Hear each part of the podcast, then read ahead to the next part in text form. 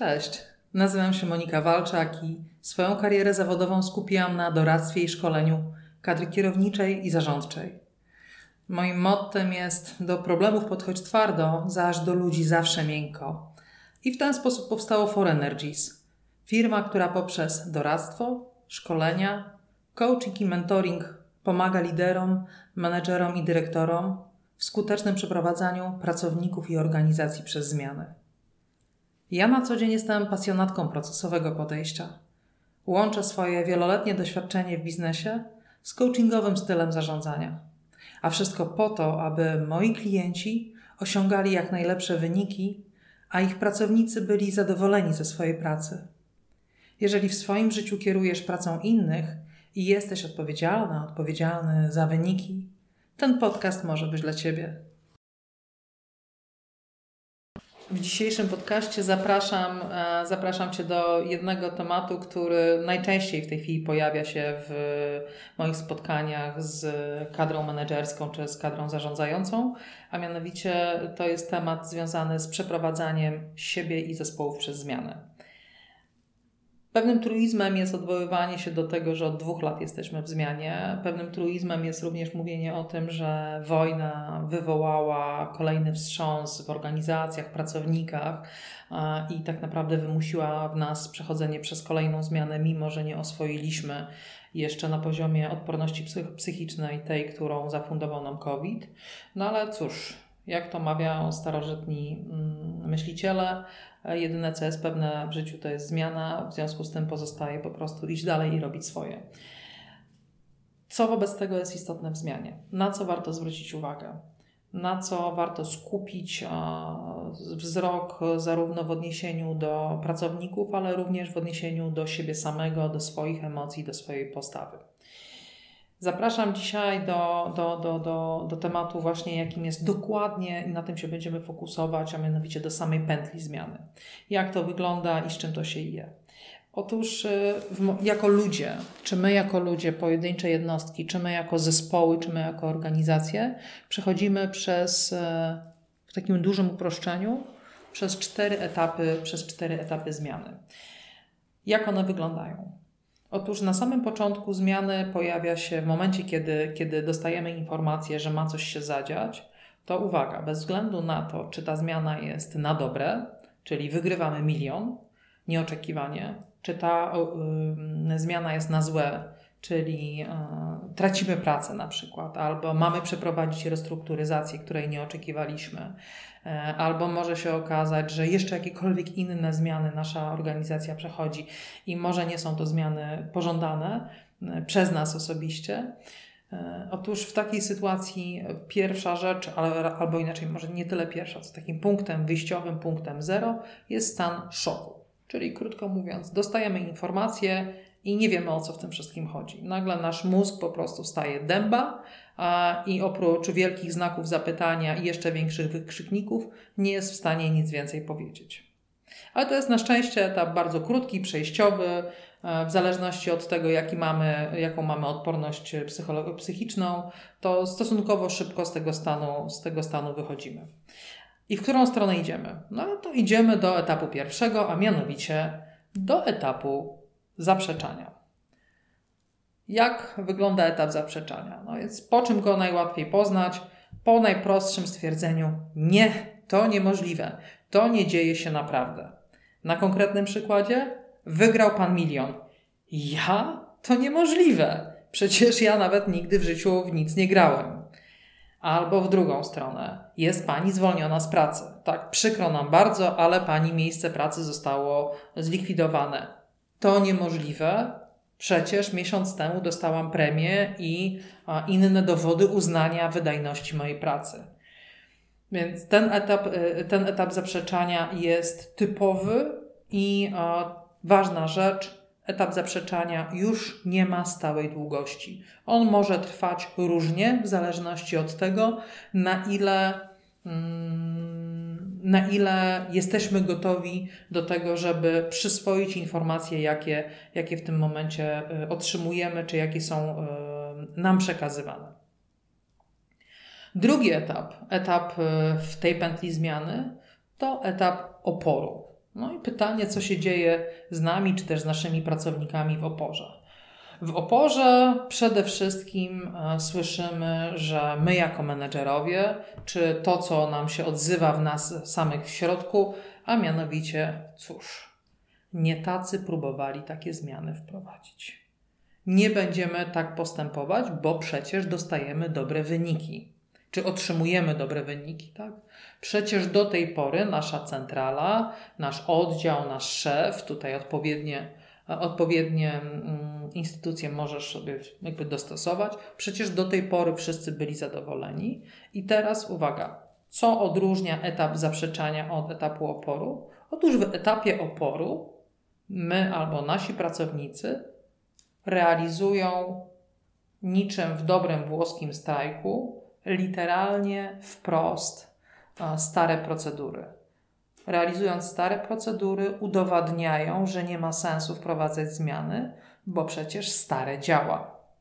I tutaj w sukurs nam idą nasze polskie przysłowia, na przykład stwierdzenie lepsze jest wrogiem dobrego, albo lepsza stara bieda niż nowa. To są takie typowe stwierdzenia, które będą nas blokowały na tym, na tym etapie, będą utrzymywały nas i utwierdzały, że nie ma sensu realizować dalej zmiany. No i teraz pytanie, skoro mamy etap zaprzeczania i etap oporu, to wobec tego pytanie najważniejsze, jak wyprowadzać siebie, czy jak wyprowadzać pracowników z tego etapu, jak pomagać im pójść, pójść dalej jak pozwolić im z pewnym naszym wsparciem jako szefów na e, z jednej strony trochę po samoużalanie się, bo to będzie normalne, że taką postawę będą pracownicy przejawiali, trochę po, pozwolić im na chwilowe pobycie w bierności, ale jednocześnie jakie działania podjąć, żeby, żeby, żeby jednak e, nie zablokowali się w tym miejscu i mm, pozwolić im na to, żeby poszli, poszli dalej. Otóż pierwsza rzecz, która będzie pomagała w przechodzeniu przez i jedną, i drugą fazę, to jest takie konsekwentne pokazywanie nieodwołalności zmiany. No ten klasyczny one-way ticket. Możemy, jakby jesteśmy w procesie i na pewno w tym procesie zostaniemy. Jednym z większych błędów menedżerskich, jaki można popełnić, to niepewność po stronie menedżera to te wszystkie spróbujemy, zobaczymy, a może wrócimy. To wszystko spowoduje, że nawet jeżeli wiemy, że nie jest możliwy powrót, to i tak, a poprzez taką naszą postawę będziemy utrudniać naszym pracownikom i tak de facto sobie samym w, w, pójściu, w pójściu dalej. To jest pierwsza rzecz. Druga rzecz, mianowicie wysłuchiwanie wszystkich obiekcji, jakie na tym etapie się pojawią. I uwaga, tu jest, to jest bardzo ważne. Menedżerowie, szefowie, kadra kierownicza rzadko kiedy chce słuchać obiekcji. Raczej oczekuje, że wszyscy pracownicy stwierdzą: super, wchodzimy w zmianę, idziemy do przodu, tak? Ale no nie, rzeczą nieuniknioną jest to, że te obiekcje się pojawią, więc takim prawidłowym działaniem, e, które będzie pomagało w przechodzeniu przez zmianę, jest po pierwsze wysłuchanie, zobaczenie, że te obiekcje są po drugie, wysłuchanie i potraktowanie ich jako naprawdę wartościowy prezent. E, I trzecia rzecz, mianowicie sprowadzenie ich do poziomu faktów. Dobrze, uważasz, że tak się nie da, że to jest niemożliwe, czyli co? Czyli porozmawiajmy o faktach.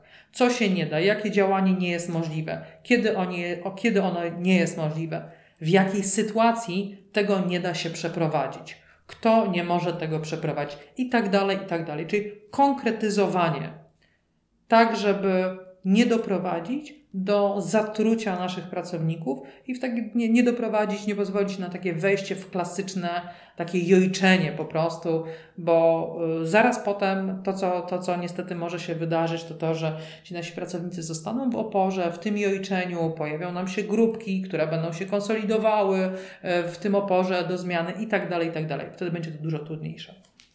Więc mamy tak.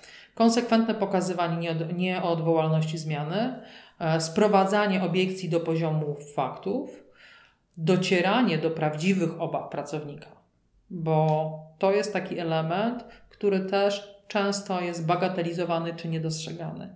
Jeżeli ja jako pracownik mówię, że czegoś się nie da zrobić, to jest bardzo prawdopodobne, że pod tym wszystkim są moje jakieś osobiste obawy. Co może być taką obawą? Taką obawą na przykład może być brak moich umiejętności w danym zakresie. Może się okazać, że skonsolidowanie, e, skonsolidowanie działu, tak? Ostatnio był taki przypadek, że pracowałam z klientem, który konsolidował dwa działy marketingu i sprzedaży. No i okazało się, że nowy zakres obowiązków, który, który, który dostali pracownicy, w znacznej mierze przekraczał ich dotychczasowe kompetencje.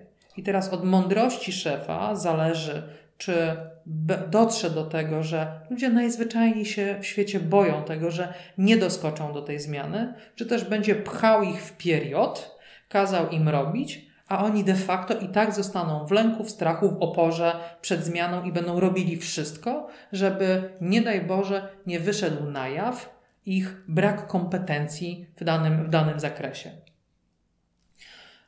No to tyle, jeżeli chodzi o zaprzeczanie i opór w takim, w takim wielkim skrócie. Pytanie, co dalej? Otóż y, kolejnym etapem, który, y, który jest normalny, który jest typowy dla, dla zmiany, dla pętli zmiany, no to po oporze, w momencie, kiedy nadal powtarzamy pracownikom, że kochani, zmiana jest nieunikniona, połączenie działów nastąpi, zmiana zakresów obowiązków nastąpi, albo nie wiem, zmiana profilu naszej działalności nastąpi, kiedy już wysłuchaliśmy naszych pracowników, rozwialiśmy ich obawy, sprowadziliśmy e, ich obawy do poziomu faktów, tak? I mm, daliśmy też im wsparcie w zakresie rozwoju ich kompetencji.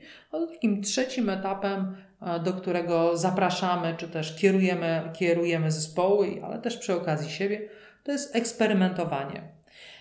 Gdybym miała wskazać najważniejszy etap w pętli zmiany, to rzekłabym, że każdy jest ważny. Ale jeżeli dociśnięta do ściany miałabym wybrać, który rzeczywiście jest e, tym, który, który należy ustawić jako, jako, jako clue całej zmiany, to chyba ustawiłabym właśnie eksperymentowanie. Dlaczego? Dlatego, że tak, to jest taki moment, kiedy nasi pracownicy zaczynają podejmować próby doświadczania nowej rzeczywistości. Abstrahując od tego, czy mają kompetencje, czy nie mają kompetencji, ci mniej bojaźliwi, ci bardziej odporni na stres też pójdą i stwierdzą: No cóż, nie mamy nic do stracenia, sprawdzamy, trenujemy, doświadczamy nowych rzeczy. E, ci bardziej bojaźliwi okay, zostają w swoich lękach i strachach, ale też wystawiają tą przysłowiową stopę za drzwi, żeby zobaczyć, jak ta trawa po drugiej stronie podwór, pagórka wygląda. No i teraz pytanie, dlaczego uważam akurat, że ten moment jest, ten, ten etap jest kluczowy w całej pętli zmiany? Otóż diabeł tkwi w szczegółach. Tym szczegółem jest reakcja przełożonego na błędy pracownika. Jeżeli przełożony nie pozwoli pracownikom na tym etapie popełniać błędów, jeżeli przełożony na tym etapie będzie za te błędy w ten czy w inny sposób, mniej czy bardziej formalny, ich de facto karał, albo dawał im tylko negatywny feedback, no to może się okazać, że zderzy się z czymś, co jest bardzo niepożądane w zmianie, a mianowicie pracownicy cofną mu się z etapu eksperymentowania ponownie do etapu oporu. Stąd też myślę sobie o tym, że właśnie ten etap eksperymentowania jest bardzo ważny. Druga rzecz, która też pokazuje, że e, ważno, warto być tutaj bardzo uważnym, to na etapie, na etapie eksperymentowania, w momencie, kiedy nasi pracownicy sprawdzają, czy ta zmiana jest możliwa do zaimplementowania, jakie są skutki tego, jakie są konsekwencje. Jeżeli stworzymy atmosferę bezpiecznej wymiany informacji, jeżeli stworzymy tutaj etap, atmosferę e, dialogu, może się okazać, że dostaniemy bardzo konkretny feedback, który uchroni organizację przed dużymi błędami bo dopiero na etapie eksperymentowania, na etapie doświadczenia jesteśmy w stanie zweryfikować swoje pewne założenia teoretyczne, które wcześniej na etapie projektowania czy planowania zmiany zostały, zostały poczynione. Więc eksperymentowanie tak, eksperymentowanie e, z dialogiem, eksperymentowanie z feedbackiem, konstruktywnym feedbackiem, zarówno pozytywnym, jak i negatywnym, I to, co najważniejsze, to prawo do popełniania błędów. Zarówno dla siebie, dawania sobie prawa do popełniania błędów, jak i prawo do popełniania błędów przez naszych pracowników. I dopiero po etapie eksperymentowania możemy zacząć myśleć o etapie, który jest marzeniem każdego szefa w momencie, kiedy ogłasza zmianę, a mianowicie etapu zaangażowania. Co się wydarza w etapie zaangażowania? No, w etapie zaangażowania, w wielkim skrócie, to jest ten moment, kiedy ludzie mówią: O kurczę, warto było, ale fajnie. No, nie było lekko, było trudno, jednak warto było przez to wszystko przechodzić. Często też na etapie zaangażowania, w momencie, kiedy zbieramy informacje od zespołu, można, można usłyszeć: O rany, tak bardzo się bałem, czy tak bardzo się bałam na początku, miałam tyle obaw, a okazało się, że nie było tak źle, nie było tak strasznie. To jest też etap, kiedy ludzie mają największą wiarę w siebie, kiedy mają największe skrzydła e, i poczucie wszechmocy że mogą, że potrafią, zarówno oni jednostkowo, jak i oni jako cały, jako cały zespół, a szefowie wtedy właśnie zbierają największe e, oklaski, zarówno od samych siebie, jak i od swoich, e, jak i od swoich zespołów. I e, o co warto zadbać w tej fazie, o co warto, o czym warto pomyśleć? No powiem wprost, warto pomyśleć o tym, o czym właśnie najczęściej szefowie zapominają, a mianowicie o świętowaniu e, odniesionego sukcesu, e, o podziękowaniu za tą drogę, która jest za, jest za tym zespołem, czy jest za tymi ludźmi.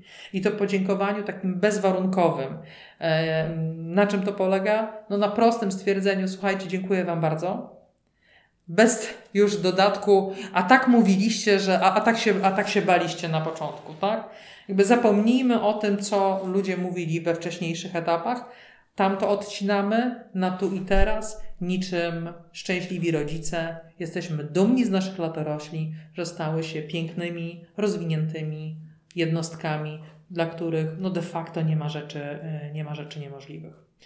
E, na etapie zaangażowania jest, e, to, to, jest też mo, to, to jest też moment, kiedy możemy wprowadzać jakieś korekty, kiedy możemy optymalizować procesy, Tutaj też, właśnie wtedy, kiedy ludzie mają poczucie sukcesu, możemy w ramach kreatywnych burz mózgów e, szukać tego, co mogłoby działać, co mogłoby działać e, lepiej.